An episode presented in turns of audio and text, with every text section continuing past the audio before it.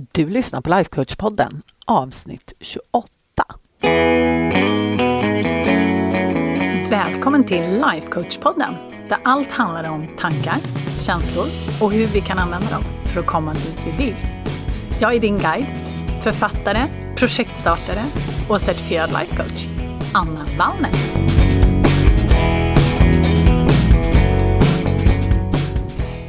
Men hej och välkommen tillbaka till podden.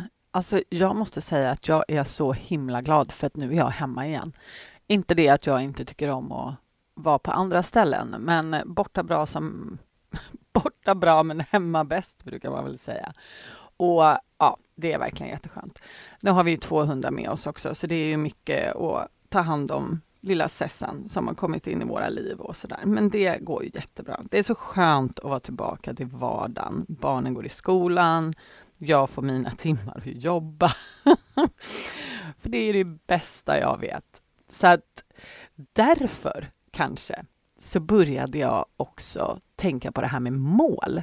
För nu är det ju så att vi går tillbaka till det vanliga livet inom situationstecken nu när semestrarna är slut och alla börjar skolan och jobb och allt vad det nu kan tänkas vara vi sätter igång med igen. Och då började jag tänka på, ah, vad är det vi ska göra nu då fram till jul? Och det, är, det finns ju en fara i att tänka i liksom kortare sjok, men det finns också någonting väldigt positivt och någonting väldigt starkt. Och oberoende hur man sätter upp sina mål och vad man har för tidshorisont och så där, så tänkte jag att det här är faktiskt, det här vill jag prata om nu. Det har jag väl tänkt prata mer om länge eftersom det är någonting fundamentalt som jag jobbar med mina klienter med jätte, jättemycket. Just att skapa det liv man vill. Och för att kunna skapa det liv man vill så är det ju så att den här kunskapen med att kunna sätta mål och uppfylla sina mål eller nå sina mål är ju en superkraft. Jag märker också att jag är väldigt, väldigt hes. Ni får ursäkta, jag, det är ganska tidigt på morgonen här så att det kanske är därför jag inte riktigt kommit igång än. Men hur som helst i alla fall. Det här med att sätta våra mål, det finns väldigt många aspekter till det och därför tänker jag att jag ska göra en liten serie och det kommer nog bli en fem, sex olika avsnitt. Så att, eh, ja, för dig som gillar det här med mål så tror jag att du kommer gilla den här serien, verkligen. Men med det sagt då så vill jag börja med att prata om varför vi ska sätta mål överhuvudtaget. varför ska vi det? Och med det också så är det ju så att alla vill inte sätta mål. Vissa är jättenöjda med att bara leva sina vanliga liv, vardag, helg, åka på någon semester och inte utmana sig själva. Och det är helt okej. Okay. Vi är inte alla drivna av att sätta mål och vi är inte alla sådana personlighetstyper. Men jag skulle gissa på att du tillhör en av dem som vill skapa förändring, för annars hade du kanske inte lyssnat på den här podden. Så jag utgår från att eh, du är en sån person. Och det är ju lite så här att våran grundprogrammering, alltså våran hjärna, den vill absolut inte sätta mål. Nej, den vill vara superbekväm och den vill använda så lite energi som möjligt. Det är så den är programmerad. Och är det så att eh, du har följt podden så vet du att jag har ett avsnitt som handlar om just det ett av avsnitten i början. Jag tror att eh, ett, pra ett pratar jag om att eh, just det här springa i motvind, men också ett eh, av de första tre, tror jag till och med det är, så pratar jag om hjärnans liksom, grundprogrammering och varför den bara vill äta godis och titta på Netflix. Så att, gå tillbaks dit och lyssna lite om du vill lära dig lite mer om just det. Men det är ju så här, att i grund och botten så vill ju våra hjärnor känna njutning. Den vill absolut inte känna obehag, hjärnan. Och sen vill den vara så effektiv som möjligt. Det vill säga, den vill använda så lite energi som möjligt. Och om du tänker på det här, just det här med att använda så lite energi som möjligt, så fundera lite på hur det tar sig uttryck i ditt liv.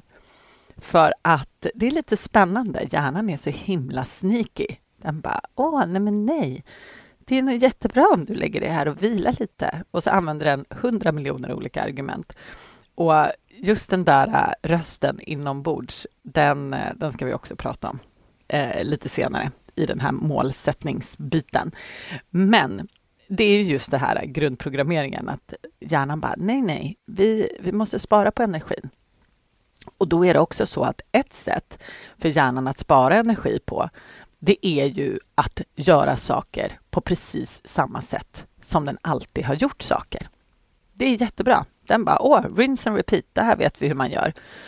Och när man gör samma sak hela tiden, då får man heller inga nya resultat. Vi kan inte förvänta oss att våra liv ändras om vi inte gör saker och ting på ett annat sätt. Det är liksom för, Ehm, för er som ehm, kommer till mig och vill gå ner i vikt till exempel. Ja, men vi kan inte tro att vi ska gå ner i vikt om vi fortsätter leva våra liv på samma sätt som vi har gjort förut. Vi kan inte tro att vi helt plötsligt kommer börja tjäna massa mer pengar om vi hela tiden fortsätter att göra saker och ting på samma sätt som vi har gjort förut. Eller om vi vill spara pengar till exempel. Då måste vi också ändra våra beteenden. Vi kan inte fortsätta bete oss på samma sätt och tro att vi helt plötsligt bara kommer konsumera mindre eller göra av med mindre av vår disponibla inkomst. Liksom. Utan vi måste ändra på saker och ting. Och det vill inte hjärnan. Hjärnan vill inte det. Den bara nej, nej, nej. Det här är jättebra. Vi fortsätter som vanligt. Så det är liksom en av de coolaste grejerna tycker jag med att sätta mål. Det är att vi behöver trycka oss själva ur vår bekvämlighetszon. Vi måste skapa förändring. Och ett av, ett av mina absolut största skäl till att vilja sätta de här målen, det är just för att det tvingar oss att utvecklas. Och det tvingar oss liksom att sträcka oss och utforska vår kapacitet och gå emot den här bekvämligheten och skapa någonting nytt och skapa någonting mer. Och när man väl har kommit till att det här liksom obekväma, det här eh, skapa någonting nytt, obekvämligheten kan man väl kalla det för, att det har blivit ett normaltillstånd, det är, det är coolt.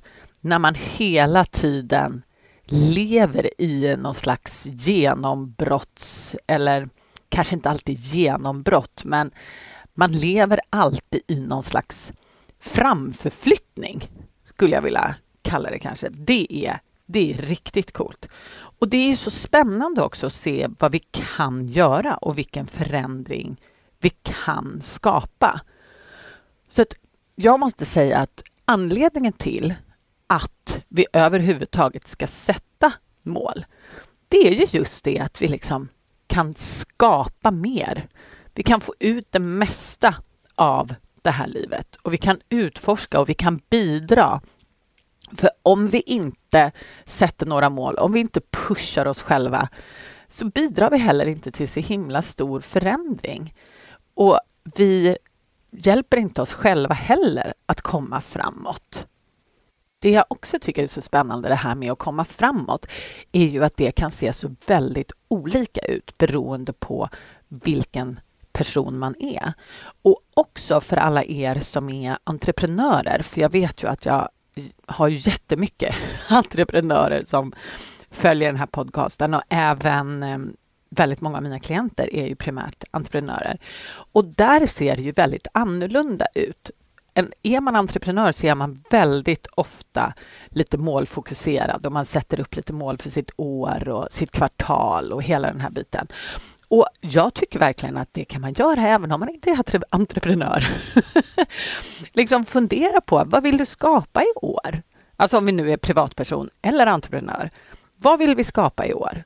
Och så bryter man ner det. Vad vill du skapa det här kvartalet. Och det här kommer jag också komma in på lite mer närmare i detalj sen under den här eh, seriens gång, just hur man gör de här sakerna. Men det är så kul att vi kan se det som en entreprenör, fast vi applicerar det på vårt privata vardagsliv, eller vad man ska säga. Men är man entreprenör så faller det sig kanske lite mer naturligt, för det är någonting i oss som driver oss framåt, att vi faktiskt överhuvudtaget startade den businessen vi startade. Och då vill man ju såklart driva den framåt. Men det jag tänker fråga dig, det är ju oavsett om du är entreprenör eller om du inte är det. Varför borde du sätta ett mål? Hur skulle det gagna dig att sätta ett mål? Hur skulle det kanske kunna förändra din situation om tre månader, om sex månader, om ett år, om du sätter ett mål? Vilka resultat skulle du kunna skapa? Det är bra frågor att fråga sig själv. Och också en annan sak. Inom vilket område skulle du helst vilja växa? Vilket område är viktigast för dig? Vart skulle du vilja skapa den här förändringen? Det är också någonting som är superviktigt att fråga sig i början. För att när man börjar fundera på det här med massa mål och så, då kan man bli lite översköljd av massa idéer. Och då gäller det att sortera lite och fundera på, ja men okej, vilket område av alla de här är viktigast för mig? Vart vill jag börja skapa förändring? Och just när du har kommit fram då till det här, vilket område är det som är viktigast? Det kanske är din personliga utveckling eller lära känna dig själv bättre. Eller du kanske vill skapa ett företag, vad vet jag? Eller så tänker du på områden inom ditt företag där du vill skapa förändring. Men då är ju också frågan, vad är det du faktiskt vill skapa inom det här området då?